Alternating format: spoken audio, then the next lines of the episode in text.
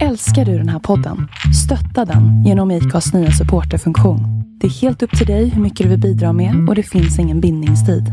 Klicka på länken i poddbeskrivningen för att visa din uppskattning och stötta podden.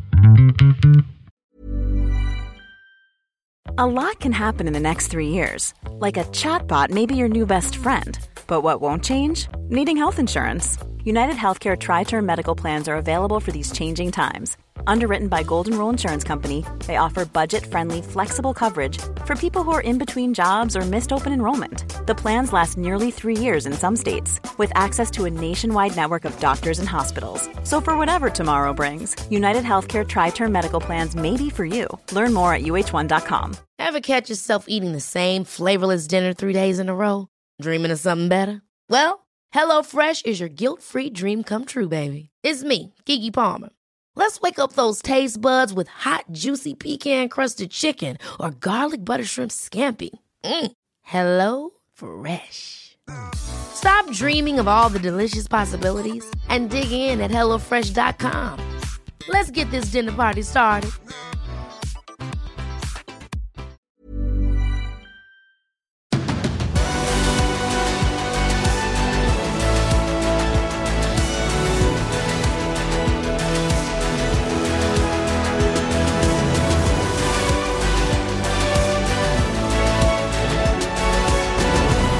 Så låter den ja. Via play vignetten för MotoGP-podden. Avsnitt 143 med mig Andreas Mårtensson och med Tobias Lajon. Det var jag som öppnade idag Tobias. Det känns kanske lite ovant för dig. Ja, men det, är, det är roligt att sitta och lyssna och vara lite passiv här och höra. Det blir en annan inledning i alla fall och det är bra. Det är nyttigt tror jag att behöva vända lite på perspektiven ibland. Vi får variera. Mm. Det gör vi ju inte i sändning direkt. Där Men är fast- det du som drar eh, barnpresentation, hej och välkomna och hej då. Då kan jag zooma ut, det är skönt. Det tycker inte jag. Jag tycker du ska vara mer, mera fokuserad de där minuterna. Nej, jag, jag kommer in sen när, vi, när det händer någonting. När det blir på riktigt. När det blir på riktigt, ja, så får du dra det andra. Mm. Men idag drog jag det här artiga inledningen. Hur är läget? Det är bra. Jag eh, har inte riktigt kommit tillbaka i rätt dygnsrytm. Jag har haft en, några tuffa dagar och svårt att komma till ro på nätterna och, och segt att komma upp. Och jag vet inte om det jag vet inte om det, om det påverkar av något annat också, men resan tror jag i största, till största del är boven i det här. Jag klarar mig bra denna gången. Faktiskt. Hade du nå, har du några bra tips för fortsättningen? Nej, var riktigt, riktigt trött när man kommer hem. Det är en bra, bra grej. Eh, men sju timmars tidsskillnad mot Texas, där vi alltså var på plats. Men eh, nej, jag kom in i det bra där, jag kom in i det bra när jag kom hem. Så att, ja, det flyter den här gången. Dock åkte jag på en förkylning som kanske du har sluppit då, så det blir ändå 1-1 kanske. Du sover för mycket tror jag. Ja. Dra, dra på dig skit i sömnen. Ytterst Det gäller tveksamt. bara att röra sig så man inte, så, man inte, så inget Det är fastnar bara på att en. köra. Ja. ja. Nej, jag vet inte. Men eh, så är det. Ja, nej men det var, det var, jag tycker jag har en skön känsla ändå efter racehelgen där med, eh, med spännande, bra tävling, bra, alltid mera puls att vara på plats och, och hin, vi hann med väldigt mycket och det, det känns som att man har hunnit smälta lite mer intryck efter, eh, efter med, de här, med den här lediga påskhelgen som har varit faktiskt. Mm, mm. Fint väder hemma. Fint väder där. Nej men resan var ju jättebra faktiskt. Om vi, om vi inte tar just det som hände på banan kanske utan det andra så var det ju en klockren helg faktiskt. Det var, det var riktigt kul att komma Mm. tillbaka till Texas. Vi har varit där en gång innan 2019. Men, eh, nej, men det, var, det var riktigt bra resa. Vad, vad har du använt lediga tiden till när du kom hem då? Har du, har du hämtat krafter? Ja, hämtat krafter. Det är väl ungefär det. Mm. Skönt med påsk också, att man Ja. får några extra lediga dagar. Jag låg till och med och zappade lite grann och kollade 24 timmars race. Det är inte Jaha. ofta man hinner det. Kollar du studion som vi gjorde då? Den kollar jag också. Hur var den? Ehm, Är du nöjd med din insats? Ja, det är fortfarande så att det är inte alltid helt lätt att lyssna på sig själv och det blir ännu svårare om man ser sig själv också.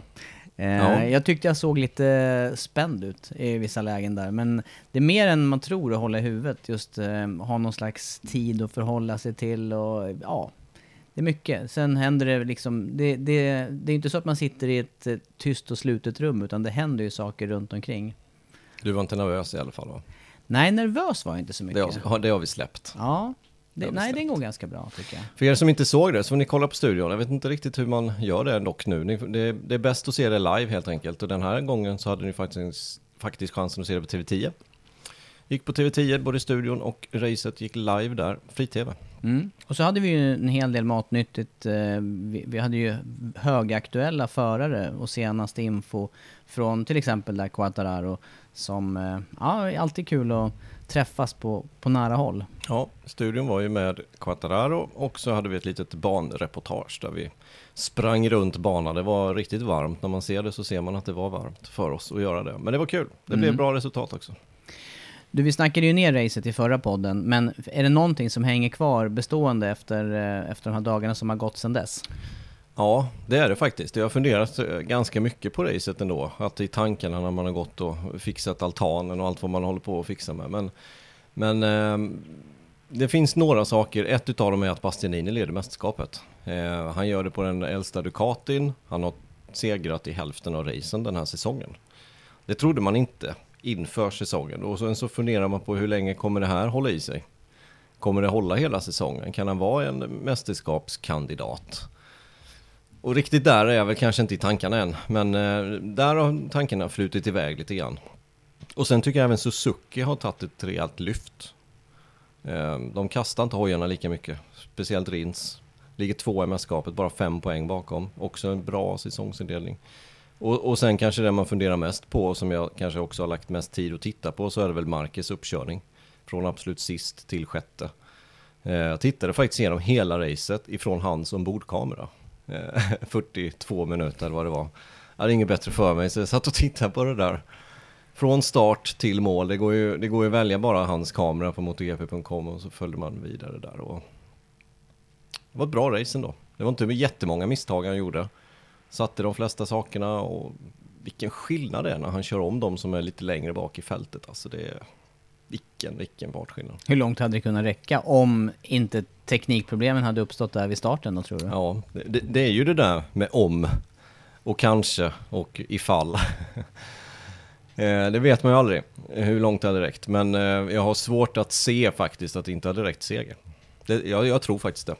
det. Det hade varit en hård kamp med i synnerhet Bastianini, vill jag påstå. Och, och kanske också Rins som han hade gjort racet lite bättre från början. Han, han hade lite problem att köra om i början där.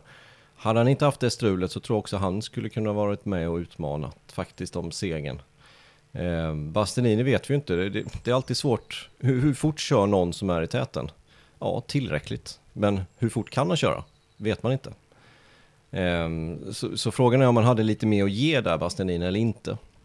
Han konserverar däcken bra, Eh, hade säkert lite extra krut i slutet om det hade behövts.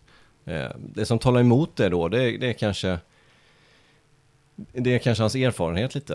Eh, endast andra säsongen. Eh, då, då brukar det vara att när man är lite mer oerfaren, nu är han världsmästare i Moto 2, det vet jag, men, men att, man, att man kanske ger allting när det väl finns chans. Att man inte sparar på krutet. Vilket kanske till exempel en Dovizioso för tre år sedan hade kunnat göra. Så jag vet inte hur mycket han egentligen hade kvar där, Bastianini. Men har, eh, har Honda egentligen släppt någonting kring det här eh, problemen som uppstod just vid starten? Var det, var det förarrelaterat? Gjorde Marcus något handhavande fel eller var det någonting som uppstod i elektroniken helt enkelt? Något, något tekniskt. Eh, ingenting som vi har hört var det beror på. Eh, utan det var inte någon twit limiter eller någonting sånt där. Utan det var någonting som hände med hojen. Eh, som gjorde att det, det blev som det blev. Men det blev ju en väldigt eh, kul att följa. En, en, en kul uppkörning från hans sida. Och det hade räckt långt. Eh, Seger, ja, jag tror ju det. Men åtminstone pallen, ett eller två.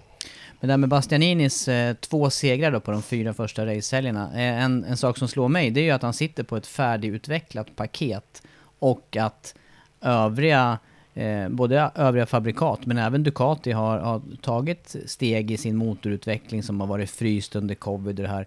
Eh, kanske kan få det tuffare här om, om några racehelger, Bastianini menar jag. Det känns ju som att de andra, Ducati, framförallt Ducati då, borde kunna komma i fatt med deras nya cykel och kanske ifrån också. Eh, Men sen ska vi komma ihåg att deras eh, motorreglement är fryst. Eller rättare sagt, de får inte göra någonting.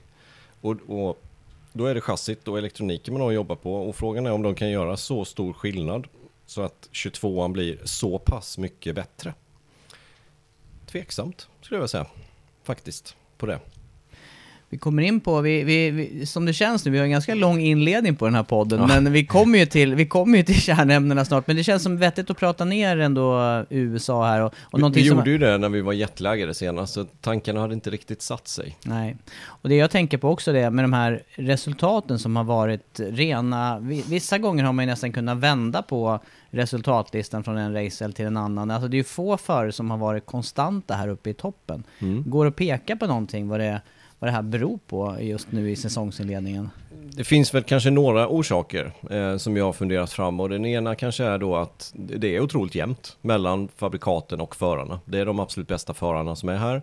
Det är otroligt jämnt nu mellan fabrikaten. Det finns inget som, alltså de sticker ut på varsitt håll, men vi pratar ju marginellt och pratar vi varvtid så är det ju ingenting vi pratar om. Eh, den stora grejen, förutom att det är så otroligt jämnt och att det är någon som studsar rätt då och då, det, det kan ju också förklara varför det har sett ut som det, men det, det är ju däcken. Eh, de har ju varit lite olika här i säsongsinledningen. Titta på eh, Mandalika till exempel, där man alltså testar på ett sätt däck och, och sen eh, två, tre veckor senare så kommer man dit med en helt annan stomme. Det är klart att resultatlistan blir upp och ner jämfört med vad det kunde ha varit då. Så, så, det är väl en utav anledningarna, plus att fabrikaten inte riktigt har full koll på deras nya cyklar i och med att reglementet var fryst i två år. Vilket gör att det har inte riktigt satt sig. Eh, de vet inte riktigt vilka inställningar man ska gå på. Det är inget färdigutvecklat paket som någon av dem har egentligen. Kanske undantaget då Yamaha som inte har hänt speciellt mycket på sedan förra året. Men de andra har ju hänt jättemycket på. Och, och då är det svårt att få till inställningar direkt. Mm. Eh, något som jag har tänkt på också det här med, eh, nu har inte jag räknat antal omkörningar men vi har sett några bra man mot man fighter och så men den här utvecklingen på aerodynamiken, om det gör så att det håller på att bli svårare att passera varandra, man kanske minskar på, det ökar ju definitivt trycket här va, man nu, mot marken och det påverkar eh, framdäcken och, och, både temperaturen i framdäcken och kanske också bromssträckorna blir kortare här. Är, är man på väg att Tror du att man är på väg att få ett mästerskap där det blir färre omkörningar plötsligt? Än vad det varit nej, tidigare? Nej, jag tror inte det. Jag tror faktiskt inte det. Även fast det, det talar ju för att det ska bli så, just med aerodynamiken. Eh, så tror jag inte det. Jag tror att det kommer fortsatt vara så. Eh, man ska också komma ihåg de första fyra racen, de är på lite speciella banor.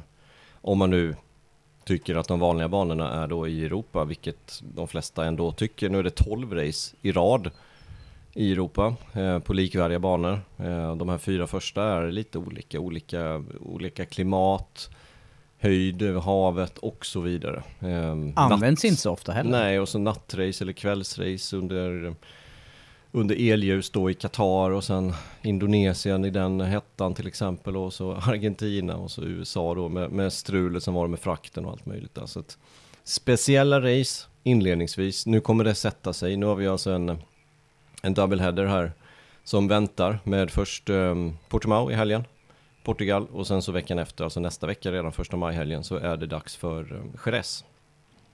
Första gången, jag läste någonting, första gången sedan 92 som inte Europasäsongen öppnar med Jerez. Kan det vara så?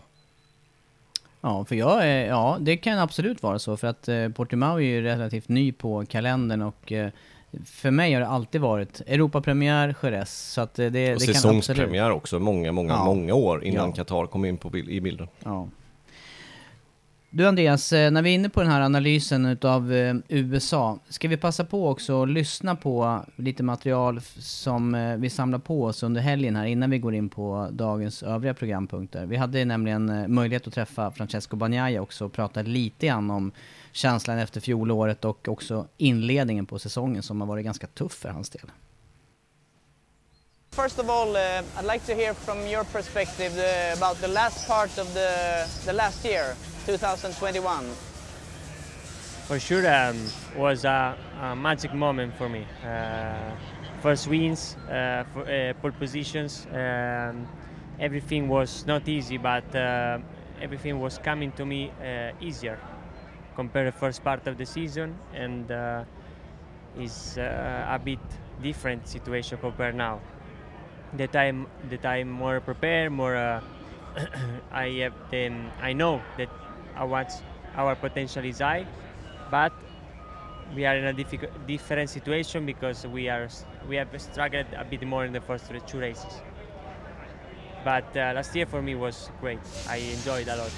Good memories, uh, and maybe it's good for your uh, for your mind to have this last part when it comes to Ah. different uh, difficulties. For sure, um, just for the um, the things that I know that we can win, that uh, our potential is more than this. Uh, but also in the first two races, uh, the problem was not that the things that I was wanting too much. Was that I was adapting to the bike, adapting to everything because we worked a lot, but uh, we were needing more time, and uh, we finished to have this uh, feeling in Sunday morning in the um, in Argentina, because we started uh, we we did a good step in front with the setting. My feeling was great again with the front of the bike and uh, and apart the qualifying that I was so behind because I started P13. My pace and everything was good, and I finished in uh, I finished in a, in a good P5. For sure, is something that uh, we had to start from that point to improve every session from now. And what about the winter then uh, during the testing? Uh, did you did you pick uh, different um, engine specifications in different teams?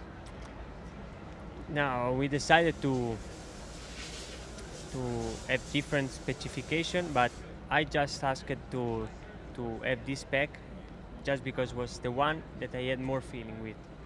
Uh, I don't know the others what they choose, but uh, I think uh, we did a enormous job in the test, and uh, and for that we we lost a bit a bit the the way uh, because I did I I never ride it to think on me to think on uh, the same potential of last year to, to have a good feeling, but I was just working to have that to develop the bike.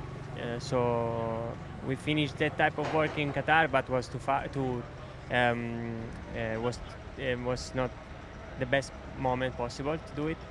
Uh, but now we, we are finished. We are working on me and on my bike, and this is uh, the best way for sure.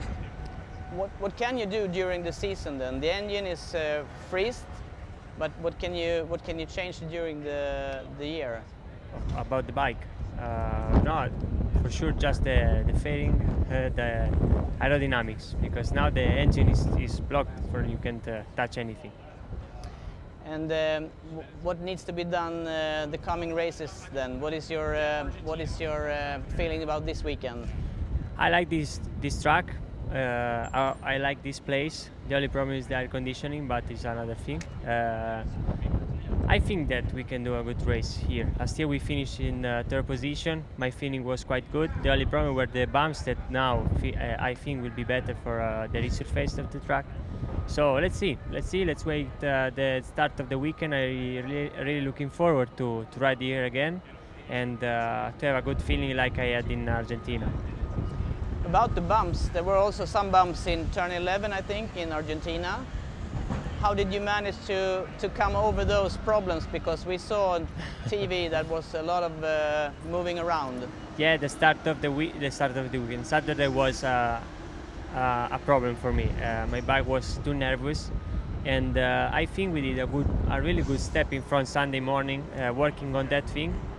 Christian and Tommy did a good job with my bike, and and I think we will restart with the same bike up there uh, because I was really liking it. From outside, all the, the lap times are very close.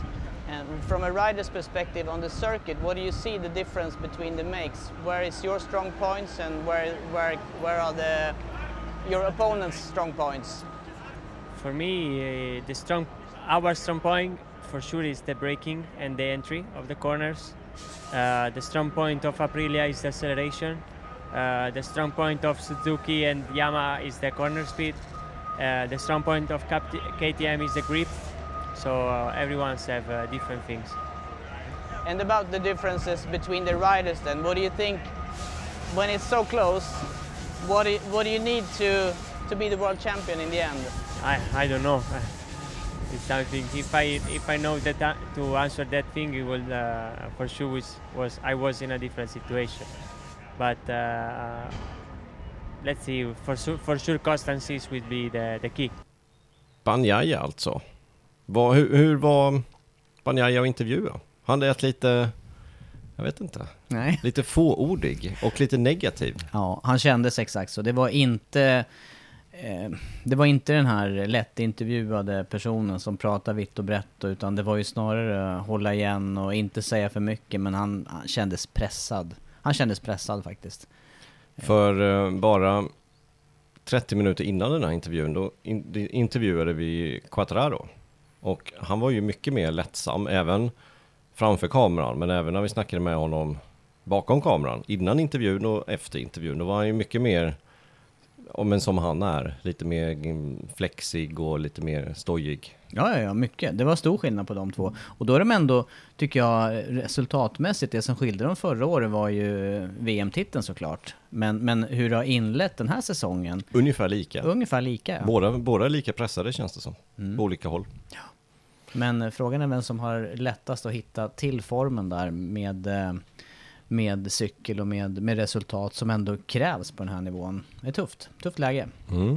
Du, vi måste ju försöka komma tillbaka till, eh, till eh, ursprungsspåret så att eh, du som lyssnar också känner igen det. Vi har ju faktiskt ett startnummer att prata om idag. Och det blir alltså nummer 43 eftersom det är podd nummer 143. Sen har vi ju även... Det, det händer ju inte jättemycket i matnyttigt. Men däremot så går det ju att spekulera kring, eh, kring silly season. Så det tänker vi ta ett grepp kring.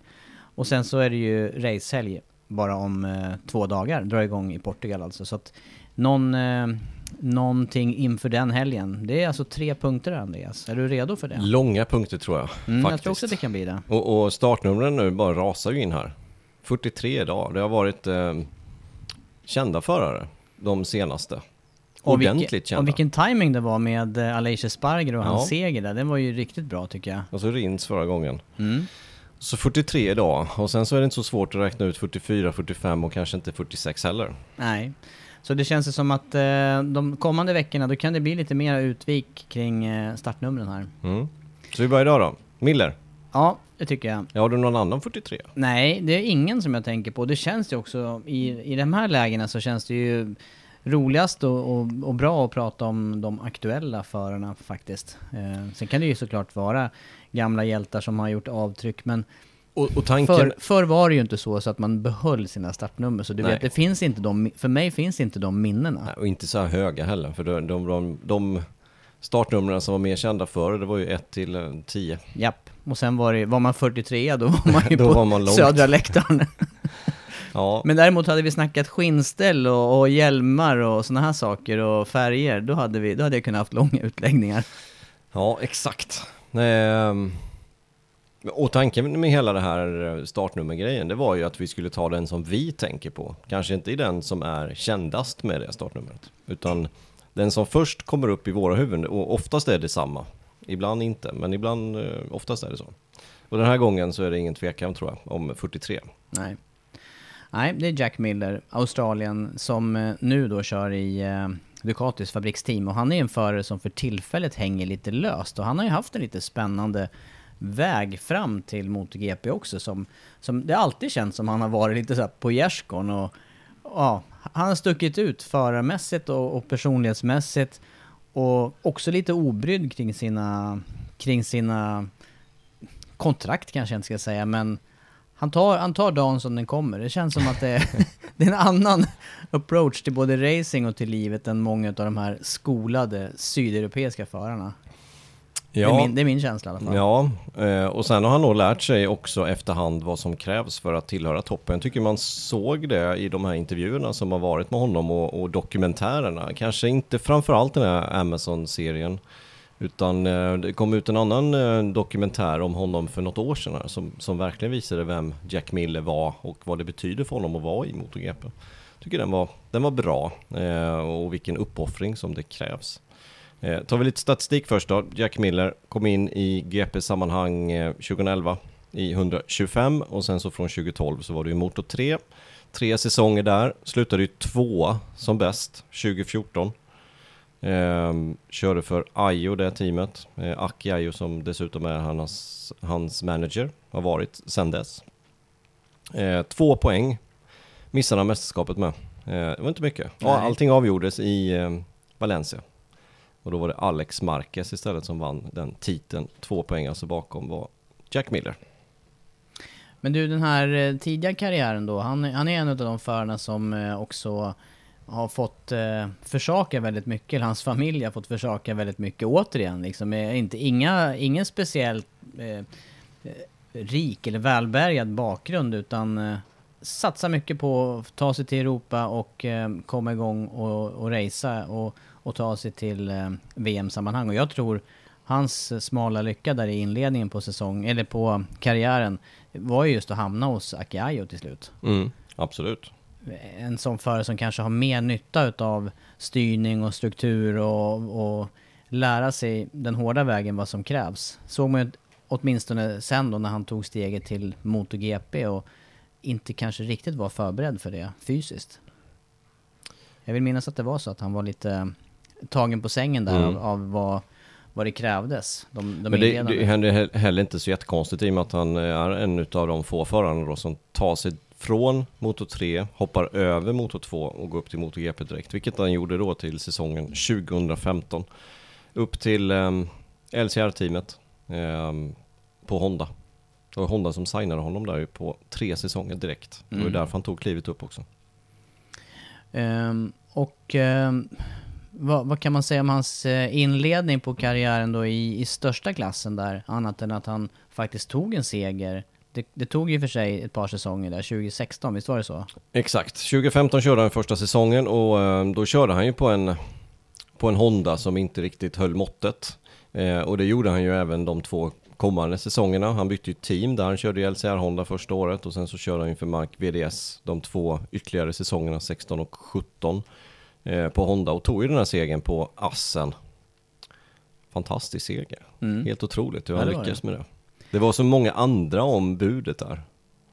Och, och, och ett sånt här tillfälle, ett sånt här race som var helt oförutsägbart med, med v- skiftande väderförhållanden och det är ju där han verkligen har, har varit som starkast om man tittar bakåt i, i hans karriär. Var det inte Johnny Hernandez som ledde racet och vi sa, vi, eller jag sa ingenting då för vi jobbade inte tillsammans men när man såg det så var det att han kommer ju ta detta. Men sen kraschade han bort sig. Mm. Och sen var det några till som gjorde precis likadant och sen till slut så var det Jack Miller som vann. Det var kul. Kul för honom. Men sen fick han vänta på nästa seger i några säsonger. Fyra, rättare sagt, till förra året. Han tog två ytterligare segrar, så han har tre segrar alltså i karriären. Ja, och det, det, men, men han har inte riktigt hittat den här jämnheten och vara konstant uppe i toppen där. Och jag vet inte om det här är en blandning mellan eh, kvalförmåga eller det vi har sett också under många race har ju varit att han inte riktigt har lyckats eh, hålla liv i däcken så länge som det krävs. I alla fall är det så det har sett eh, utifrån. Man har sett så. Så har det sett ut eh, nästan hela tiden egentligen att han kör slut på däcken och lite för ojämn. Eh, han har inte riktigt hittat sin jämnhet. Eh, jag tycker förra året gjorde han det ändå eh, ganska bra men sen var det några för många krascher. Det var någon för mycket utanför topp 10. Eh, och så har det ju börjat lite den här säsongen också då med ett brutet race i Qatar. Eh, utanför hans eh, område för att vara tekniskt strul. Fjärde plats i Indonesien, ett race som jag tycker han borde ha vunnit. Med tanke på att det var hans förutsättningar med blöt, blöt bana. Och att han ledde också. Han hade ju Exakt, han han, han hade fördel där, för att det var ju både smutsigt och, och jag skulle säga att att ligga bakom i dem, under de omständigheterna är betydligt svårare. Mm. Eh, och sen Argentina med en 14 plats. Eh, helt klappa igenom. Funkar inte alls. Och, och sen då senast eh, fem veckor sedan i USA när han slutade på pallen faktiskt då med en tredje plats. Det var ju bra. Mm. Men, men eh, just Argentina där, där var ju också en helg där han var klart vassare än Banjaya under kvalen och även under träningar. Där hade jag betydligt större förhoppningar på honom till racet. Och det var ju han som fick coacha. Det såg vi tydligt i boxen. Han coachade Banjaya inför Q1. Ehm, och, och ändå så är det han som bara åker därifrån med två poäng. Så att lite för ojämn i karriären och behöver få till jämnheten. Och det har vi sagt länge om Miller. Frågan är om man kan, eh, om man kan hitta den här jämnheten. Om man hinner det. Exakt. Det är inte säkert att han får... Det, jag är osäker på om man får fler chanser här i, i eh, fabriksteamet till och med. Mm. Vi får väl komma in på det när, vi, när det blir dags att, att snacka silly season. Ja, ska vi glida in på det då med silly season eller ska du säga någonting mer om Jack Miller? Nej men det racet som stod ut kring, eh, kring Miller, det var ju den här första segern där och det var ju även en sån här, då gjorde han ju den här udda grejen att dricka bubbel ur sin stövel. Eh, som, Showay. Ja, som, som stack ut. Men eh, jag vet inte annars vad, det, det, är ju de här, jag har ju också någon ögonblicksbild när vi var inne på Argentina, just det här eh, tränings eller kval, kvalvarv måste det ha varit här, när det mm. var just fläckvis blött. Och det var ju framförallt kurva 6-7 där, den här långa högen som var blöt och han manövrerade sig igenom där med slick som man trodde han skulle krascha flera gånger i samma sväng. De gångerna har han ju verkligen eh, ja, bjudit på stor underhållning. Han står längst fram i alla fall. Dessutom, också Argentina. Så det, det var, några... var ju det racet. Ja, ja precis. Mm. precis. Och då andra, andra grid, delen av griden var... Han var den enda som hade valt rätt däck till racet. Och stod uh, fyra startledare framför alla andra. Mm. Ja. ja, men jag hoppas att han uh, får chansen lite till. Det, han har åtminstone, tycker jag, uh, visat att han är hemma i MotoGP och att han har jobbat sig in och upp successivt. Så att jag tror att det finns kvar att ge från honom, men han måste börja leverera snart. Mm. Men frågan är som sagt om det räcker. Jag tycker vi kan glida över på silly season i det här. För att eh, han är ju definitivt en av förarna som, eh, som behöver prestera för att få vara kvar i fabriksteamet. Och när det gäller... Even on a budget, quality is non-negotiable. That's why Quince is the place to score high-end essentials at 50 to 80% less than similar brands. Get your hands on buttery soft cashmere sweaters from just 60 bucks, Italian leather jackets, and so much more. And the best part about Quince, they exclusively partner with factories committed to safe, ethical and responsible manufacturing. Elevate your style without the elevated price tag with Quince. Go to quince.com slash upgrade for free shipping and 365-day returns. I'm Sandra, and I'm just the professional your small business was looking for, but you didn't hire me because you didn't use LinkedIn Jobs. LinkedIn has professionals you can't find anywhere else, including those who aren't actively looking for a new job but might be open to the perfect role, like me. In a given month, over 70% of LinkedIn users don't visit other leading job sites. So if you're not looking on LinkedIn, you'll miss out on great candidates like Sandra. Start hiring professionals like a professional. Post your free job on linkedin.com slash achieve today. Hey there, it's Michelle Norris. I'm host of a podcast called Your Mama's Kitchen. When I travel, I'm usually looking for a way to find a taste of home when I'm not at home. And one of the things I love to do when I am at home is entertain. And Airbnb allows me to do that. When I was in California recently, I rented a house that had a great kitchen. And when we were sitting around the table, we're all thinking, we're in someone else's house. Someone could be in all of our homes as well. If you have a home, but you're not always at home, you have an Airbnb. Your home might be worth more than you think. Find out how much at airbnb.com slash host. Eh, hans teamkollega Francesco Bagnaia så är det ju ny-signat kontrakt för ytterligare två säsonger. Så Bagnaia är klar för 23-24, säger mm. jag rätt här? Mm, det gör du. Medan, eh, medan Miller då står utan han vet inte ännu vad, vad, vad det ska bära och här har vi ju en hel uppsjö förare som kommer underifrån på Ducati. Ja, åtminstone två. Eh, som det står emellan. Eh, så, så nej, men Millers plats är ju ifrågasatt och frågan är vad som kommer hända med den. Och de som knackar på den styrningen det är ju givetvis Jorge Martin och det är ju Inea Bastianini. Det är ju de två som det handlar om. Vem som, om någon, ska ta den eh, styrningen bredvid eh, Banjaya. Eh, och, och, då är frågan, först och främst, får Mille sparken? Ja, som det ser ut just nu så tror jag han får det. I alla fall ifrån fabriksteamet. Det är möjligt att man plockar ner honom igen i, i Pramac. Det, det, är mycket möjligt. Och då blir det naturliga bara byta de två? Ja, men exakt. Då blir det naturligt att byta bara, så att de byter plats. Men, men det gör ju också då, om Sarko nu ska vara kvar bredvid där i Pramac, då gör det att Bastianini blir också kvar. Och då är frågan om Bastianini går och blir på, på, på pallen här i, eh, i mästerskapet, eller till och med vinner mästerskapet, ska han då vara kvar i det fjärde sämsta teamet? I, hos Ducati? Det är också lite märkligt i så fall. Då kanske det finns andra fabrikat som fiskar efter honom. Han har ju ja. tagit lite egen väg. Han är ju en av de förarna som till exempel inte ingår i VR46-akademin. Han ja. kör ju eget, egen regi. Exakt. Eh, och, och sen är nästa sak eh, som Ducati behöver tänka på. Två italienare med Bastanini då i så fall. Ska de ha två italienare i Ducati? är det bra. Eh, som märke kanske man vill sprida sina nationaliteter bland förarna för att få andra marknader också. Då tycker jag det talar för dels Jack Miller med Australien, men kanske även då med Martin från Spanien. Som kanske är en bättre duo, eh, just marknadsmässigt. Tar man teammässigt så kanske det är jättebra som det är med Miller som kan vara har visat sig kunna vara en, en teamplayer när det väl kommer till kritan. Kolla på Banjaya och, och Miller i Argentina till exempel. Ja, det är någonting man sällan eller aldrig ser annars. Nej, eh, det skulle ju inte direkt hända med Dovizioso och eh, Iannone. Två italienare gick ju sådär, kan man säga. Mm, ja, ja, ja, visst. Och dit kanske man heller inte vill tillbaka. Så att eh, det finns många olika aspekter där, men jag tror inte Bastianini faktiskt. Jag, jag tror inte på Bastianini i fabriksteamet. Jag tror inte det. Utan jag tror att det står mellan Martin eller Miller. Eh, och, och, i så fall ett, ett byte där. Eh, skulle det bli Martin upp, Miller ner igen till Pramac, då är frågan vad som händer med, eh, med Sarko. Jag tror inte hans plats är helt given ändå faktiskt, även fast Pramac har uttryckt att de gärna vill ha kvar honom. Så jag är inte helt säker på att den platsen är gjuten för honom.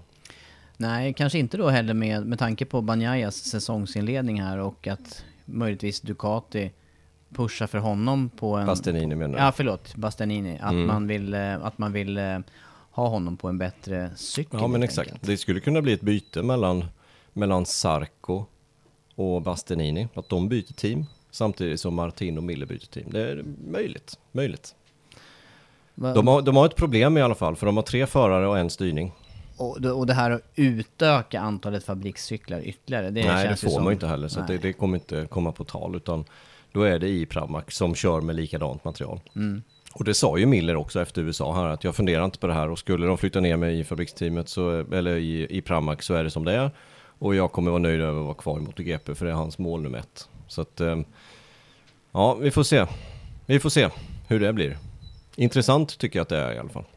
Ja, det är det absolut. Men, men om vi hänger kvar lite hos Ducati där, så finns det några tänkbara eh, skiften inom, eh, alltså på samma fabrikat. Men då är det ju också ett par ytterligare förare där som vi behöver ta hänsyn till. Och då tänker jag i alla fall på, jag tänker åtminstone på Fabio Di Gianantonio där, som är bredvid. Är han kvar hos Gresini ytterligare? Jag kan inte tänka mig att han inte är det. Utan jag tror att eh, Dijan Antonio kommer vara kvar eh, i Gresine och jag tror att V46 kommer vara oförändrat. Det vill säga Besecchi och Marini. Däremot de andra som sagt, där kan det inträffa. Och, och varför inte? Martin byter med Miller eh, samtidigt som Bastianini byter med Sarko. En bra lösning. Mm, faktiskt. Nej, och, och Marini Besecchi som du säger, de står ju lite utanför det här på något sätt och är ju starkt förknippade och kopplade till VR46 också. De, och de båda har ju faktiskt visat framfötterna vid olika tillfällen här i säsongsinledningen. Det har de gjort. Ehm, och det skulle inte förvåna mig om det teamet kör Yamaha snart. Så jag tror man inte vill göra för mycket förändringar heller där, utan eh, jag, jag, det kan vi komma in på lite senare när vi kommer till Yamaha. Men, men eh, som det är just nu så tror jag det är oförändrat till nästa år. Mm. Det var Ducati, men det kanske är läge att just skifta till Yamaha då? För att jag menar, vi har, det är ändå de två fabrikaten som var i topp i mästerskapet förra året. Eh, Yamaha med eh, regerande världsmästaren Fabio Quartararo som inte har något kontrakt vidare. Eh, det har däremot hans teamkollega eh, Franco Morbidelli och sen har vi då två förare i eh, RNF-teamet med ettårskontrakt. David Sioso och eh, Darren Binder. Mm. Där är frågan vad som händer. Där, där skulle jag säga att det är nyckeln till hela silly Det har jag varit inne på tidigare eh, i både sändningar och podd, men där är nyckeln. Vad gör Quattararo? Eh, vad har han för eh, alternativ? Och eh, vad gör Yamaha ifall han lämnar? Eh, det är väl det. Eh, och när vi pratade med honom så ville jag inte säga någonting. Det vill säga att kontraktsförhandlingarna, de är nog inne i en väldigt intensiv fas just nu, gissar jag på, just med Quattararo. Men det jag hörde senare där under helgen i USA, det, det var ju också att han, han vill ju absolut inte stänga dörren för, för att byta fabrikat. Utan han menar ju på att det, det, det, det måste man som förare kunna anpassa sig till. Men jag tror ju lite som du där att kanske behöver han Yamaha eh, mer än vad Yamaha behöver honom. Jag vet inte. Ja, så, så precis så trodde jag ju inför säsongen. Men som det har visat sig nu så är ju Yamaha lite på bakfoten och det är bara Quattararo som kan köra fort på den här cykeln. De andra är ju ingenstans i mästerskapet överhuvudtaget. Till och med Darren Binder är ju före Dovizioso till exempel i mästerskapet. Så att de är ju väldigt, väldigt långt bak. Så att Yamaha har bara Quattararo just nu. Men Quattararo har också egentligen bara Yamaha som det känns. Eh, och, och, så som jag grundade förut på var ju att han kommer få det svårt att lämna till något annat märke. Eh, vilka finns det att välja på då? Ja men det finns ju Sus Ducati som vi precis varit inne på, det är inte aktuellt. Det kommer inte bli Ducati för Quattararo. Det kan jag inte tänka mig, för de har som sagt egna problem att lösa med deras förare. Eh, utan eh, det ryktet som florerar mest just nu så är det ju Repsol Honda eh, och tar Paul Espargaros plats i och med att Marcus redan är klar. Och, och sen kanske det är också Suzuki. Det känns som att det är de två rimliga alternativen för Quattararo. Eh, kommer han prestera bättre där? Ah, jag är tveksam till det. Jag tror att han kommer prestera bra på Yamaha, men han vill också sätta press på Yamaha. Det är det han vill. Eh, det är ett väldigt bra paket det han sitter på. Det är bara att de, de saknar toppfart. Mm. Och, och då blir de väldigt sårbara. Men vad jag har förstått så hänger det också ihop med, på, med att det är också beroende på vilket aerodynamikpaket man har valt. Att man kanske hos Yamaha har valt lite mer aggressiv eh, downforce-inställning på sin cykel. Att det, att det kan hjälpa till om man gör en uppdatering här under säsongen. Mm, det kan det göra, men man, man saknar ju fortfarande toppeffekt. Även fast man kan minska draget så, så ta, saknar man ju fortfarande toppeffekt. Det har de gjort i många år. Förra året så lyckades han ändå att köra runt det problemet på grund av att han kunde sätta enskilt snabba varv och kvala bra och sen kom iväg i starten. Eh, I år så verkar de vara lite mer i problem i och med att de har stått lite mer stilla än de andra fabrikaten har gjort. Eh, dessutom har de problem med fästet ut ur svängarna som de har klagat på och de här sakerna med mer drag med sämre fäste ut i svängarna och lite sämre toppfart, då blir det ju inte så hög toppfart i slutet helt enkelt. Nej. Och väldigt tuffa race för den som ska utföra någonting. Ja, men det, det känns som att de är nära ändå att vara det där perfekta paketet. För de vann förra året. Och de var inte överlägsna, men snudd på. Quattararo var ju grym förra året. Så att, och lämna för ett annat fabrikat nu, ja, jag tror att det är lurigt för hans del. Eh, och att han är så kritisk som han är. Mm. Frågan är om inte det är lite taktiskt. Vad tänker du då? Att, att, ja, för att, att han, han försöker... vet ju också vilka resultat de andra Yamaha-förarna gör. Vilket gör att han tror nog att hans ställning inom Yamaha är ganska ohotad. Eh, för det är bara han som levererar på Yamaha, de andra är ju ingenstans. Nej. Vilket gör att då kan han sätta hårdare press på Yamaha för att vilja behålla honom och få upp lönen. Ja. Jag, jag, och pengarna är ju en sak såklart, men man, vi vet ju också att de här förarna är väldigt... Eh, de, de vill ju ha framgången också. Det, det, det jo, ser man ju på... Men, men, kommer han ta en VM-titel på, på Repsol Honda? Nej, det är ju högst tveksamt. Det är högst har han större chans nästa år att ta en VM-titel på en Repsol Honda än på en Fabriks Yamaha? Jag tror inte det. Nej, det, det tror faktiskt inte jag heller. Eh, har han större chans på en Suzuki nästa år? Jag tror inte det heller. Jag tror inte det. Nej, jag tror han har en riktigt den är bra kanske... chans däremot på en Yamaha nästa år. När Yamaha efter det här året har lärt sig läxan att vi måste hitta mer toppfart, vi måste göra vissa saker. Men däremot borde väl Suzuki vara den cykeln som ligger närmast, eller tänker jag fel där med, med rad 4? Den, den ser ut att bete sig på liknande sätt. Jag vet inte om det stämmer. Ja, men det betyder ju inte att du sätter på den i februari i Malaysia och sen vinner du VM på den. Nej. Och, och um, Honda-alternativet där, ja. Inte så länge Marcus är kvar tror inte jag. Nej, och då är frågan hur länge är han kvar? Det vet man inte. Han kanske är borta redan nu i helgen. Det, det, det har ju gått lite till och från det där under åren, senaste två åren, så mm. det vet man inte. Eh, men jag tror han kommer få det svårt där. Så att min, eh, min gissning med Quattraro det är faktiskt att han blir kvar. Det skulle vara en smärre bomb om han lämnar. Även fast de har flaggat för det och ryktena finns överallt här nu så, så tycker jag att det är en, det är en, en ganska stor bomb om Quattararo lämnar. Men då blir min fortsatta fundering där kring Franco Morbidelli, för, för, för, han är ju den som är klar, han sitter ju med kontrakt. Eh, vad, kommer Yamaha göra någonting åt hans kontrakt? Eller för nu har han ju inte levererat överhuvudtaget. Nej, men det, det har ju inte Dovi heller gjort. Och det har ju Darren Binder kör ju på annat. Så jag, jag tror att det hör hemma med att just nu är det bara Quattraro som levererar på Yamaha. Så jag, jag tror Morbidelli sitter säkert. Han har kontrakt och kan inte tänka mig att de bryter ett kontrakt. Så känner inte jag, Linn Jarvis och, och Yamaha, att de på grund av en, en taskig inledning på säsongen kommer bryta hans kontrakt. Det, det tror jag inte. Eh, sen vet man ju inte vad som händer utan eh, det är ju, det är ju Toprak som, som ligger där i, lur, i vassen och lurar. Raskat Lioglu alltså som eh, regerande superbike-världsmästare. Eh, mm. Skulle vara intressant att se honom, men han, han sitter ju samtidigt på en väldigt bra position i Superbike-VM som han verkar väldigt nöjd med också. Mm. Ja, han tror jag kommer, eh, skulle nu Quattararo lämna mot vad jag tror, eh, då tror jag att Toprak sitter på en fabrikshemma nästa år. Det tror jag. Då tror jag han går in där. Eh, frågan är, han har ju sagt, både Toprak har sagt, även Kenan Sofoglu har sagt att de vill inte sätta sig i ett satellitteam. Eh, kommer de dock göra det? Jag tror inte Dovi blir klar, kvar i RNF-teamet. Det har mycket svårt att se. Och då kanske han inte är kvar överhuvudtaget i mästerskapet heller? Det tror inte jag. Jag tror detta är Dovis sista säsong. Um, och um, jag skulle vilja se Toprak där då i så fall. Med Darren Binder. För en säsong för hans del är inte tillräckligt för att kunna visa vad han går för. Han behöver mer omställningsperioder. När vi pratar om Miller här, han krävde ju ett par, tre, fyra säsonger innan han började leverera. Steget direkt från Moto 3 är stort helt enkelt. Så att vi får se. Det blir intressant att se där, om de plockar in Toprak. Men visst har eh, RNF-teamet, hur långt kontrakt har de då med Dorna? De, är ju, de har ju skrivit på flera år. Ja, det har de gjort. Men de har inte skrivit med Yamaha för mer än den här säsongen. Eh, så där är frågan vad som händer också. Och det var det vi pratade om med VR46. Jag tror ju att i förlängningen så kommer Rossis team att köra Yamaha. Frågan är när. Eh, kanske till och med till nästa år.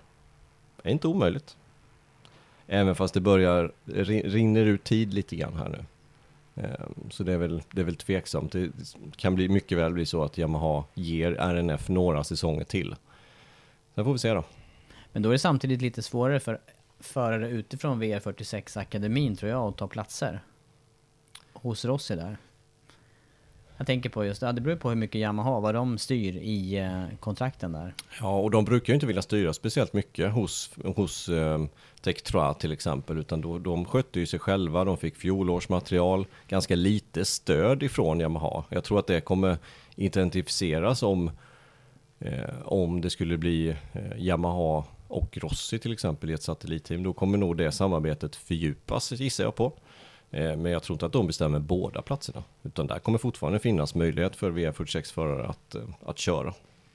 Eh, och, och sen vet vi också att Yamaha är ute efter Raul Fernandez som sitter hos Tektra KTM idag. och där är också frågan var vilket, vilken plats skulle, skulle Toprak stå på sig? Skulle Quattararo stanna och det blir Quattararo Morbidelli och, och skulle Toprak stå på sig att han ska köra ett fabriksteam, då finns det ingen plats i Yamaha för hans del. Eh, då skulle jag se Raúl Fernandes där istället. Fernandes och, eh, och Darren Binder i RNF. Mm.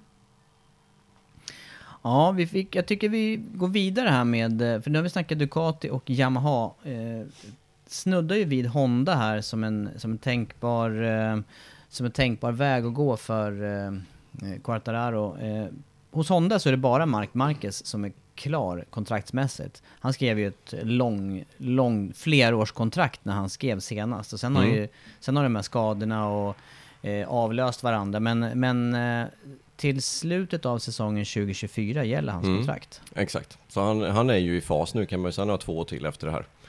Eh, så han kommer bli kvar, eh, beroende på vad som händer givetvis med hans skador. Nu får vi hoppas att han eh, har skadat sig klart, mm. så att säga. Och kanske har Honda sparat pengar eller så har han haft bra sjukpeng den här perioden. Jag tror inte de har sparat. Nej, jag tror inte heller det. Han erbjuder sig faktiskt, Marcus, att inte ta någon lön där 2020, men Honda står på sig. Ja. De ville gärna bli av med 100 miljoner till. Ja. De hade så det räckte. Det började bli fullt på kontona. Antagligen. Men, ja. eh, men Honda och, och Mark Marquez, så sa han då Paul Espargaro bredvid sig och sen då yngre brorsan Alex Marquez hos LCR Honda tillsammans med Takaki Nakagami. Eh, och egentligen, eh, i stort så är det ju Mark Marquez även den här säsongen som presterar. Ja, det är det. De andra har det lite tufft. Paul Sparger gjorde bra första race. Eh, men sen dess har det varit lite tufft från hans sida. Diverse saker. Senast var han sjuk. Ska vi komma ihåg magsjuk i Texas. Argentina har jag inga minnen egentligen hur det gick för honom. Och sen i Indonesien så hade han ju problem som alla andra Honda-förare med greppet. Och i Qatar gjorde han bra race och ledde ju inledningsvis där. Så att ingen tokig inledning, så det blir spännande att se det, speciellt nu i helgen. För Portimao är en av hans favoritbanor, Paul Espargaro. Eh, och Honda har gjort bra för resultat där nere. Var det inte, var det inte um, Brader som blev åtta eller något liknande? Jo, Brader har varit i Honda 10 har, har varit ganska bra där nere, så att vi får se vad som händer där. Men ska vi, ska vi börja med LCR så tror jag att eh, Alex Marquez blir kvar. Svårt att se att de flyttar på honom. Och hur, lång, hur många chanser ska han få då? För att även om han är dubbel världsmästare då i både Moto 3 och i Moto 2. Ja, men han tog två pallplatser Ja, det gjorde han första året Mm. i MotoGP. Mm. Eh, hur många pallplatser har Nakagami? Nej, han Påminn är- mig gärna. Nej, han, det går inte här. Nej. Det hittar vi ingen. Hur många pallplatser har Paul Espargaro?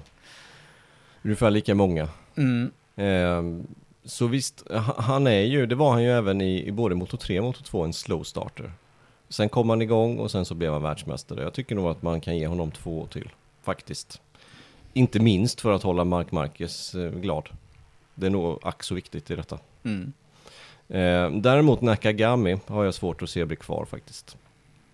Om nu Ayogura är eh, redo att kliva upp i MotoGP. Jag, det är också lite tveksam till om han verkligen, jag har inte sett det av Ayogura hittills den här säsongen efter fyra race mot vad man kanske borde ha sett för någon som ska ta klivet upp till MotoGP. Men det är väl den som eh, är närmst att ersätta. Mm. Och det är just för att han är japan och för att han redan är i, eh, I Honda. Honda. Team Ja. Asia. Honda Team Asia på en Kalex eh, Mm. Triumph. Ja, Ja. precis. Det är skönt att mixa sina produktnamn Ja. här. Men... Eh, Så, så, men- så kanske att man kan ge Nakagami ett år till kanske. I, så att Ayogura verkligen är på tillväxt. Så att han är redo. För han måste vara redo. Men som sagt, det kan ju förändras här nu i helgen. Han kanske tar segern i helgen och nästa helg och så helt plötsligt så är han redo. Det vet vi inte. nej. så det får man men, se hur det Men det är utvecklar sig. fortfarande frågetecken då kring Paul Espargaro, eller tror du att Honda låter sina förare vara? Nej, det, är- det är där som, eh, som det står. Paul Espargaro. Ehm, och och jag ser lite... Jag ser fördelarna med... Jag, jag ser nackdelar från Quattararo att gå dit. För sitta jämte Mark Marquez i Repsol Honda, det är inte lätt. Och jag tror att det blir eh, återvändsgränd för hans del. Jag tror inte det blir bra för hans karriär och jag tror inte han vinner mästerskap på det. Men det är smart för Repsol Honda och för Honda. Riktigt smart. För ett, de har någon som kan vara en påläggskalv till Mark Marquez om han skadar sig igen. Två, man tar bort ett av de största hoten i mästerskapet till Mark Marquez. Hur smart som helst. Mm. Och, och sannolikheten att just eh, Quartararo ska slå Marquez första säsongen är inte så stor. Nej, Kanske är inte andra heller. Nej. Men däremot att Quattararo slår Mark Marquez på en, på en Yamaha, det är ganska stor risk. För Honda. Mm. Så att det är smart av Honda och den här tekniken har vi nästan sett från Honda flera gånger. Lorenzo. Tänk Lorenzo på en Ducati 2019 när Honda värvade honom. Superstort hot till Mark Marquez. Så länge han satt hos Ducati ja. Exakt. Men där tycker jag... Där Sen flyttade de dem till Ducati- Honda. Ja, där sköt sig Ducati själva i foten. Ja, det, det var ju inte riktigt Repsol Honda som värvade honom innan Ducati hade släppt honom, men Nej. det var ändå en smart värvning av, av Repsol Honda för de köpte bort ett hot mot mästerskapet och, med, eh, och mot Mark Mark. Nu hade säkert Marcus vunnit ändå den säsongen men ja, även Paul Espargaro på KTM för Mm. något, någon säsong sedan. Ja. Kunde också varit ett hot. ja, ja, vi ser ju vad de förarna har presterat. Ja, inte i år kanske, men, men åren innan här. Eh, varför inte? Så att från Repsol Hondas sida så kan jag se positiva saker med att, att värva över Quattararo. För egen del, men jag kan inte se det från Quattararo. Men, men eh, de Var har även, även Mir har de varit och ryckt i. Men var ska Paul Espargaro rikta sina blickar då? då? Om han eh, får, får kicken ifrån Repsol Honda? Ja, det är frågan. Det är frågan. Eh, jag vet faktiskt inte. Kan de vara på, på, inte på fallrepet är de ju definitivt inte, någon av bröderna, men kan de vara liksom, i, är de i slutändan av sin MotoGP-karriär, både Aleix och eh, Paul Ja, fr- frågan är ju precis vad som händer. Om nu Repsol Honda tar in eh, Quattraro eller Mir, som också har varit på tapeten. Eh, vad tar Paul Espargaro vägen? Var ska han hitta en styrning någonstans? Jag tror att det blir svårt. Jag vet inte riktigt var faktiskt. Nej, Suzuki han- kan jag inte se. Ska han ta brorsans plats hos, eh, hos Aprilia? Det är också svårt att se. Ska han ta Vinales plats hos Aprilia? Tveksamt. Ska han gå till KTM? De har redan hur mycket förare som helst. Skulle de tappa Raúl Fernandez och inte ta upp Acosta, ja då kanske han kan komma in någonstans i Tektra KTM. Annars har han det svårt att hålla sig kvar på. Ja, Mitt, mitt tips är att han blir kvar hos, hos Repsol. Mm, då är det of- oförändrat där. Men, Ja, det är men nu, då, tipset. har vi också, då har vi också berört KTM en hel del och där är det bara Brad Binder som har ett färdigt kontrakt. Men, men det ryktas ju också ganska starkt om att eh, Oliveira är nära på att förnya där. Ja, de, har, jag, de har ändå gjort bra resultat enstaka race här den här säsongen. ja och, och Raúl, varken Raúl Fernandez eller Remy Gardner är redo att, att kliva upp i fabriksteamet. Eh, vad ska Oliveira ta vägen någonstans? För han har ju var, verkligen varit upp och ner både förra året och i år. Var ska han gå någonstans? Finns det någon plats ledig? Jag kan inte se det riktigt att det gör det. Eh, så mitt tips är nog att, att det blir så i fabriksteamet. Och sen får vi se då vad som händer i jag. Gardner tror jag blir kvar. Eh, Raul Fernandez får vi se vad som händer med Quattararo och Toprak. Eh, om det finns en Yamaha-styrning ledo, ledig. Tipset är ju att han går istället för Dovizioso till nästa år. Eh, och, och då skulle ju i så fall Acosta kunna komma in där. Mm. Men frågan är om Acosta är redo. Han har inte visat det första fyra racen. Han visade det på försäsongen, Ja. men inte första fyra racen. Nej, å andra sidan så är det fyra racehelger. Han kanske har, eh, han kanske har några pröv och helger till på sig. Jo, men han har bara gjort en säsong i GP-sammanhang. Han har 22 GP-starter och då tar klivet upp till MotoGP redan nästa år. Det är tajt alltså. Han skulle nog behöva någon säsong till i, i Moto 2. Så eh, det, det skulle kunna vara där då för, eh, för Paul Espargaro att komma in. Tillbaka till alltså satellitteams KTM. Ja, ja, kanske. Om man nu eh, blir kickad av, eller om inte kontraktet förnyas med Repsol Honda. Ja.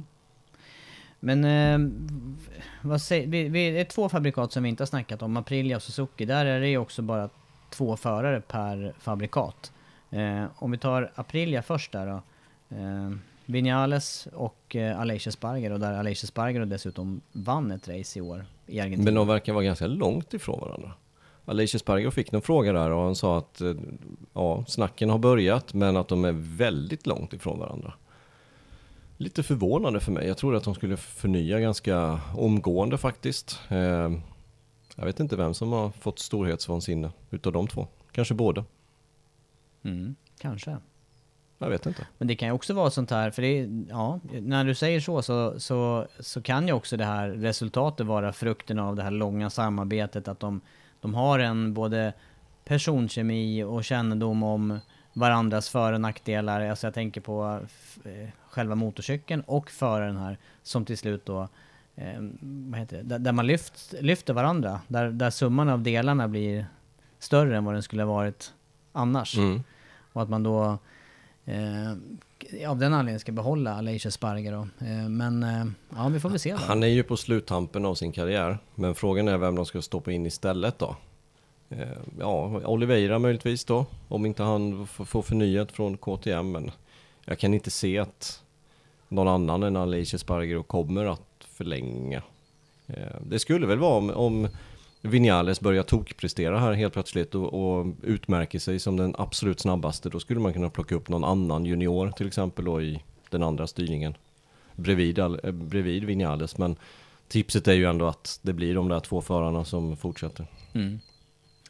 Eh, Suzuki då? Tipset att ha kvar Rins och Ja. Mir där också. Ja, ja. De gör ju så bra och jämnt ifrån sig hela tiden. Ja, Svårt att hitta någon som toppar det kanske. Mir var ju väldigt kritisk under vintern och förra året till toppfarten hos Suzuki. Att det, det, det var svårt att komma vidare därifrån. Eh, och då började det ryktas om Repsol Honda även där. Eh, men nu har han fått mer effekt och nu verkar han lite mer tillfreds med tillvaron. Och är ju med i toppen och slåss, det blev fyra senast. Eh, och för att stärka sina aktier hos andra fabrikat ska du gärna vara snabbast i teamet. Det är han inte just nu. Nej.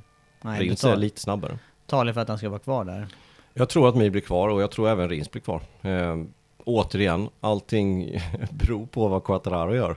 Går han till något annat fabrikat då kommer det bli en styrning ledig där och då skulle allting kunna hända.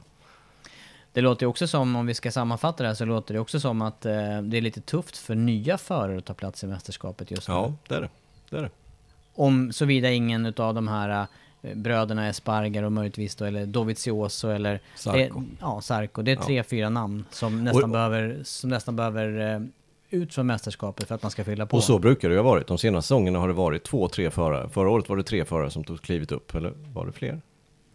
Eh, det var tre nej, det var Fyra? fem rookies Fem till och med. Mm, fem var det. Mm. Mm. Året innan var det tre. Mm. Så att vi, vi förväntar oss några försvinner. Eh, och vilka skulle det vara om vi får gissa här nu då? Dovi Närmast, skulle jag säga. är en utav dem. Ja. Eh, och... Eh, Jag, jag, jag tror Ja, det är nästan svårt. Sarko skulle kunna hänga löst. på eget beslut eller på att, Nej. att han inte hittar någon styrning? som Ja, är för att konkurrenskraftig? Ducati har problem liksom, för Mm. att kunna fylla upp platserna. Som sagt, om Bastianini är bra ifrån sig och inte tänkt för, för fabriksteamet, då behöver han plockas upp. Eh, Då kan inte han vara kvar i Gresini, tror jag i alla fall. Eh, Och då är antingen Sarko att gå till Gresini eller lämna. Mm. Mm, jag tror Sarko kan hänga lite löst. Och vilka förare skulle kunna vara aktuella att ta klivet in i mästerskapet? Och du sa Toprak där från Superbike-VM. Och Nakagami glömde vi också ju, Ja, just det. som också kan hänga skulle på kunna vara. Skulle sant, kunna vara. Sant. Mm. Men Toprak att fylla på med. Eh, från Moto 2 annars då?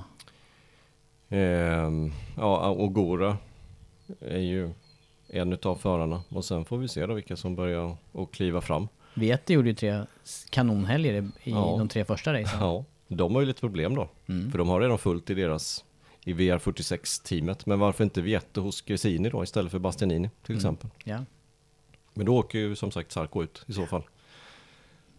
Ja. Delikata problem. Och så är Canet, Canet är lite att lura i vassen. Ja, faktiskt. Även fast han, eh, han måste vinna sitt första race sen. Var ju ytterst nära förra helgen.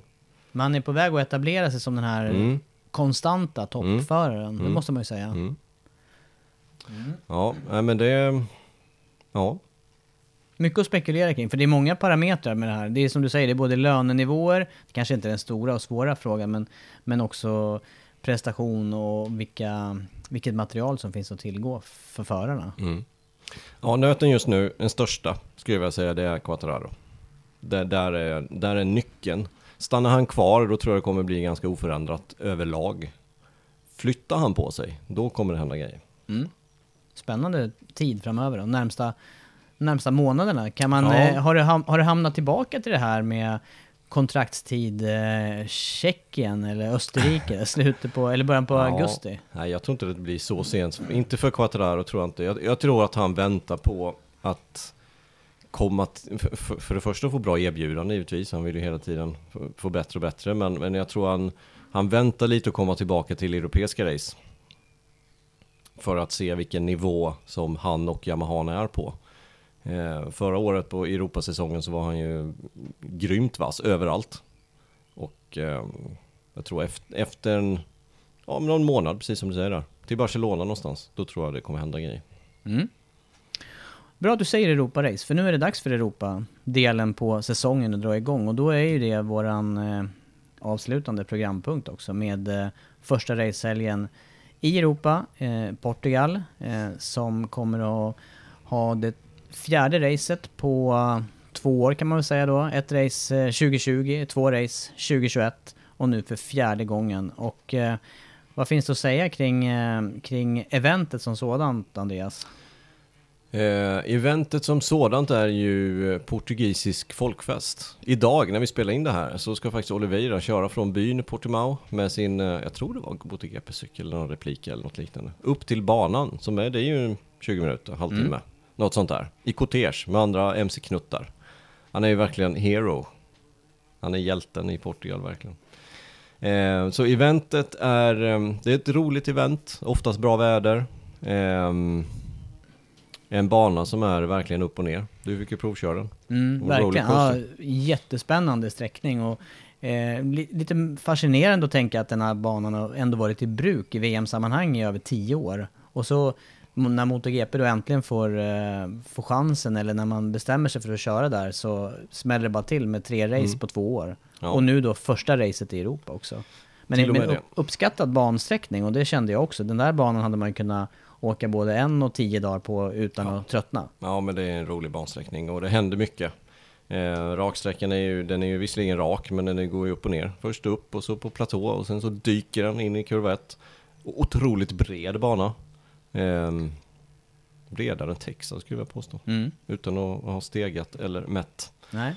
Ja, men det gör att bred. är, det är mycket, det finns mycket och, my, många olika faktorer där Mm. att ta hänsyn till. Och, och även då vädret som kan vara väldigt föränderligt. Och det, det talas ju om ganska kluriga förhållanden till helgen. Ja, nästan bättre väder här hemma i, i Sverige, Stockholm, som området, än vad det kommer vara där nere. Ehm, regn på fredag sägs det, hela dagen på, regn, på fredag. Och sen svala temperaturer med skurar på, på lördagen och sen lite bättre på söndagen då. Men fortfarande ganska svala temperaturer, runt 15 grader. Ehm, så att ehm, det, det kan bli lite tufft för förarna. Det gäller att eh, värma upp framdäcken ordentligt, inte åka på framhjulssläpp. Eh, Ja, och, och sen dessutom då de tre gångerna vi har varit där och kört så har det varit tre olika fabrikat och tre olika förare som har vunnit. Först var det ju hemmaseger, Oliveira. Sen var det Quartararo på Yamaha. Och tredje racen man körde var det Bagnaia på Ducati. Det säger ju någonting också om bansträck, bansträckningen här. Ja men exakt. Eh, så det, alltså det, det är ju, om vi nu ska gå in och liksom tro på vad, vilka vi tror på inför helgen, så, så är det ju, jag kan säga plus och minus om alla förare som skulle kunna vinna. Eh, för det, det är helt omöjligt att tippa. Helt omöjligt. Eh, jag tror faktiskt, jag tror att Suzuki och Rins kommer bli vassa. Jag tror det. För, för Rins gjorde riktigt bra race förra året. Tills han kraschade. Han, han, det var, han jagade Quattararo in på 3, 4, 5 sista varven. Var riktigt vass. Ehm, ja, Suzuki. Men, och sen så ska det bli intressant att se vad, vad Ducati kan göra. Banjaya som sagt vann här bara för ett halvår sedan. Kan han upprepa det? Han var ju nästan i princip överlägsen. Kan han komma tillbaka till den formen? Martin, kan han fortsätta och, och bygga på hans fart? Vi ska komma ihåg hans krasch som han hade för ett år sedan här. Som höll på att och, eh, avsluta hans karriär. Marquez, var är han någonstans? Efter uppkörningen senast. Kan han vara med? Det- Han det kommer går ju- vara bara- med. ja, Honda har gått, bra, har gått bra på den här banan med Paul Sparger som blivit fyra och sexa och något liknande sånt där. Och någon krasch på det. Men Hondan har ju gått bra. Då skulle mycket väl Marcus kunna vara med och slåss där uppe. Och spännande, apropå variation också på banan där och, och många namn. Det är ju dessutom, det är lång snabb raksträcka som du säger. Eh, och där kommer dessutom eh, förarna ut på den här raksträckan i, väldigt hög fart. Eh, kanske går det för Yamaha att Exakt. hänga med där. Precis. Och, och det ska bli jättespännande att se var Yamaha är någonstans nu när vi kommer tillbaka till europeiska banor, europeiska race. Ehm, ska inte räkna bort Yamaha alltså, för, för de stod, stod han inte i pole position i, vad var det någonstans? Indonesien? Eh, jo, Ja. jo. Så, så att Yamaha och Quattraro skulle mycket väl kunna vara med högt upp. Och så ett, ett hela varvet egentligen är ju inte effektkrävande utan det är bara raksträckan som är. Det gynnar ju också Yamaha. Ja. Nej, det är inte många ställen där det, där det öppnar fullt. Nej, så jag säger ju det. Vi kan ju säga plus och minus på alla fabrikaten. Ja. KTM däremot, de har ju inte riktigt varit med här inledningsvis. Även fast de har två pallplatser och en seger så känns det som att de är fortfarande lite på bakfoten. Ehm, och bara för att vi säger så så blir det väl Binder följt av Oliveira här. Eller Oliveira följt av Binder. Hemmaseger. Men eh, det, temperaturer säger vi, låga temperaturer, eh, blåst kan också vara någonting som påverkar över de här eh, krönen och luftfärderna och, och, och kursändringarna i hög fart. Och det gäller ju att vara ganska precis i spårvalen. Jag tänker också på den här långa, långa, långa högerpartiet som avslutar varvet. Och då är det ju någonting som jag tycker gynnar Yamaha i så fall. Som har visat sig vara väldigt bra över gropiga partier och vind och sådana här saker. det låter som att det är helt öppet Nej, men, ja, igen. det är ju helt öppet. Ja. Alltså vi har ju tio förare som har hamnat på pallen i de eh, fyra första racen av tolv möjliga alltså. Så att, ja. Och då har inte Marcus varit på pallen än till exempel. Nej, nej det, det, är ingen, det är ingen idé att jag säger särskilt mycket i det här för att det, Nej, för det är precis som. Nej, det är precis som du säger här. Och det kommer nog att ta några racehelger till innan vi kan se något tydligare mönster kring, eh, kring säsongen. Tänk om vi får ett resultat i helgen nu och så nästa vecka i Jerez som ligger 40 mil därifrån så blir det helt annorlunda. Ja det kan det också vara. Det kan vara helt annan temperatur där. Ja, och så, och så kortare raksträck. Det går ju bara på femman där i, på den raksträckan i Jerez. Att, ja, Hittills alltså, på de fyra första racehelgerna så är det tio olika förare på pallen och eh, eh, bara en förare som har vunnit två race, det är Nia Bastianini. Eh, ett fortsatt väldigt jämnt mästerskap och, och ni hör själva också med förutsättningar här inför, inför kommande racehelg. Väldigt, väldigt öppet. Jag har inte mycket att tillägga till det Andreas. Det känns som att vi fick en hel del matnyttigt på eh, silly season också. Ja, ni är bäst i att följa våra sändningar i helgen. Det är tyvärr inte TV10, men vi hoppas komma tillbaka till fri-TV här under säsongen. Kanske närmast i juni, förhoppningsvis. Vi får se, men denna veckan, denna helgen, så är det på V-sport 1. Ska jag inte svära på, men jag är nästan säker i och med att jag vet att det är Formel 1 i helgen. Via Play däremot. Via Playare som vanligt, men V-sport 1, linjära kanalen och sen via Play givetvis. Och vi sänder allting som vanligt. Allting med MotoGP livesänds. Däremot inte kvalen i Moto 2 och Moto 3, men racen. Precis som vanligt. Så har det varit nu någon säsong. Eh, en timme tidsskillnad är det till Portugal, vilket gör att vi drar igång 10.45 på fredag. 10.45 fredag via Play V-sport 1. Och sen fortsätter det. Sen, får, sen kommer Tobbe dra de här. Du kommer dra sändningstiderna ungefär är det är det- sju gånger under helgen. Är det från nu du lämnar över Ja, exakt. Nu lämnar jag över sånt där. Eh, men 10.45 är det som gäller för första träningen. Sen är kvalet MotoGP efter FP4. FP4 drar igång eh, 20 över 2 på lördag. Sen är det kvalet efter det och sen är det race. Och racet är lite annorlunda ordning eh, jämfört med vad vi har sett de senaste racehelgerna. Så nu är det Moto 3, MotoGP, Moto 2 avslutar. Race start 14.00. Uppsnack 13.25. Klart och tydligt. Klart som korvspad skulle jag säga. Ja. Det är också en sak vi kan tillägga till den här helgen att Moto 2 kör alltså efter MotoGP. Eh, och där har vi sett problem med fäste när Moto 2 kör innan MotoGP. Det slipper man alltså den här helgen. Och utan att eh, säga för mycket så tror jag att det gynnar Yamaha. Då kan de hålla lite högre kurvhastighet och bli inte påverkade på det sättet. Så att, mm. Intressant. Vi får se vad som händer. Det ska till att börja med inte regna. För då spelar det ingen roll. Nej, det blir bra. Tack för att du lyssnar skulle jag säga. Ja, tack för er som stöttar oss också. Stöttar våran podd så vi kan fortsätta podda här.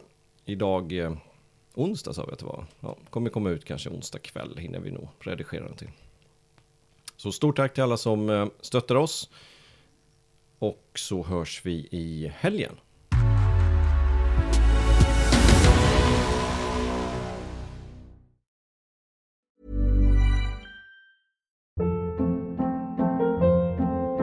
Hold up. What was that? Boring. No flavor. That was as bad as those leftovers you ate all week. Kiki Palmer here, and it's time to say hello to something fresh and guilt-free. Hello Fresh. Jazz up dinner with pecan-crusted chicken or garlic butter shrimp scampi. Now that's music to my mouth. Hello Fresh. Let's get this dinner party started. Discover all the delicious possibilities at hellofresh.com. Want truly hydrated skin? Meet Osea's Body Care Breakthrough Hyaluronic Body Serum. It's clinically proven to increase hydration by 161%. It's lightweight, fast absorbing, and delivers 24 hours of hydration for silky smooth skin without any sticky afterfeel. Treat your skin to clean, vegan skincare from Osea. Get 10% off your first order with code SUMMER at OseaMalibu.com. That's O S E A Malibu.com code SUMMER.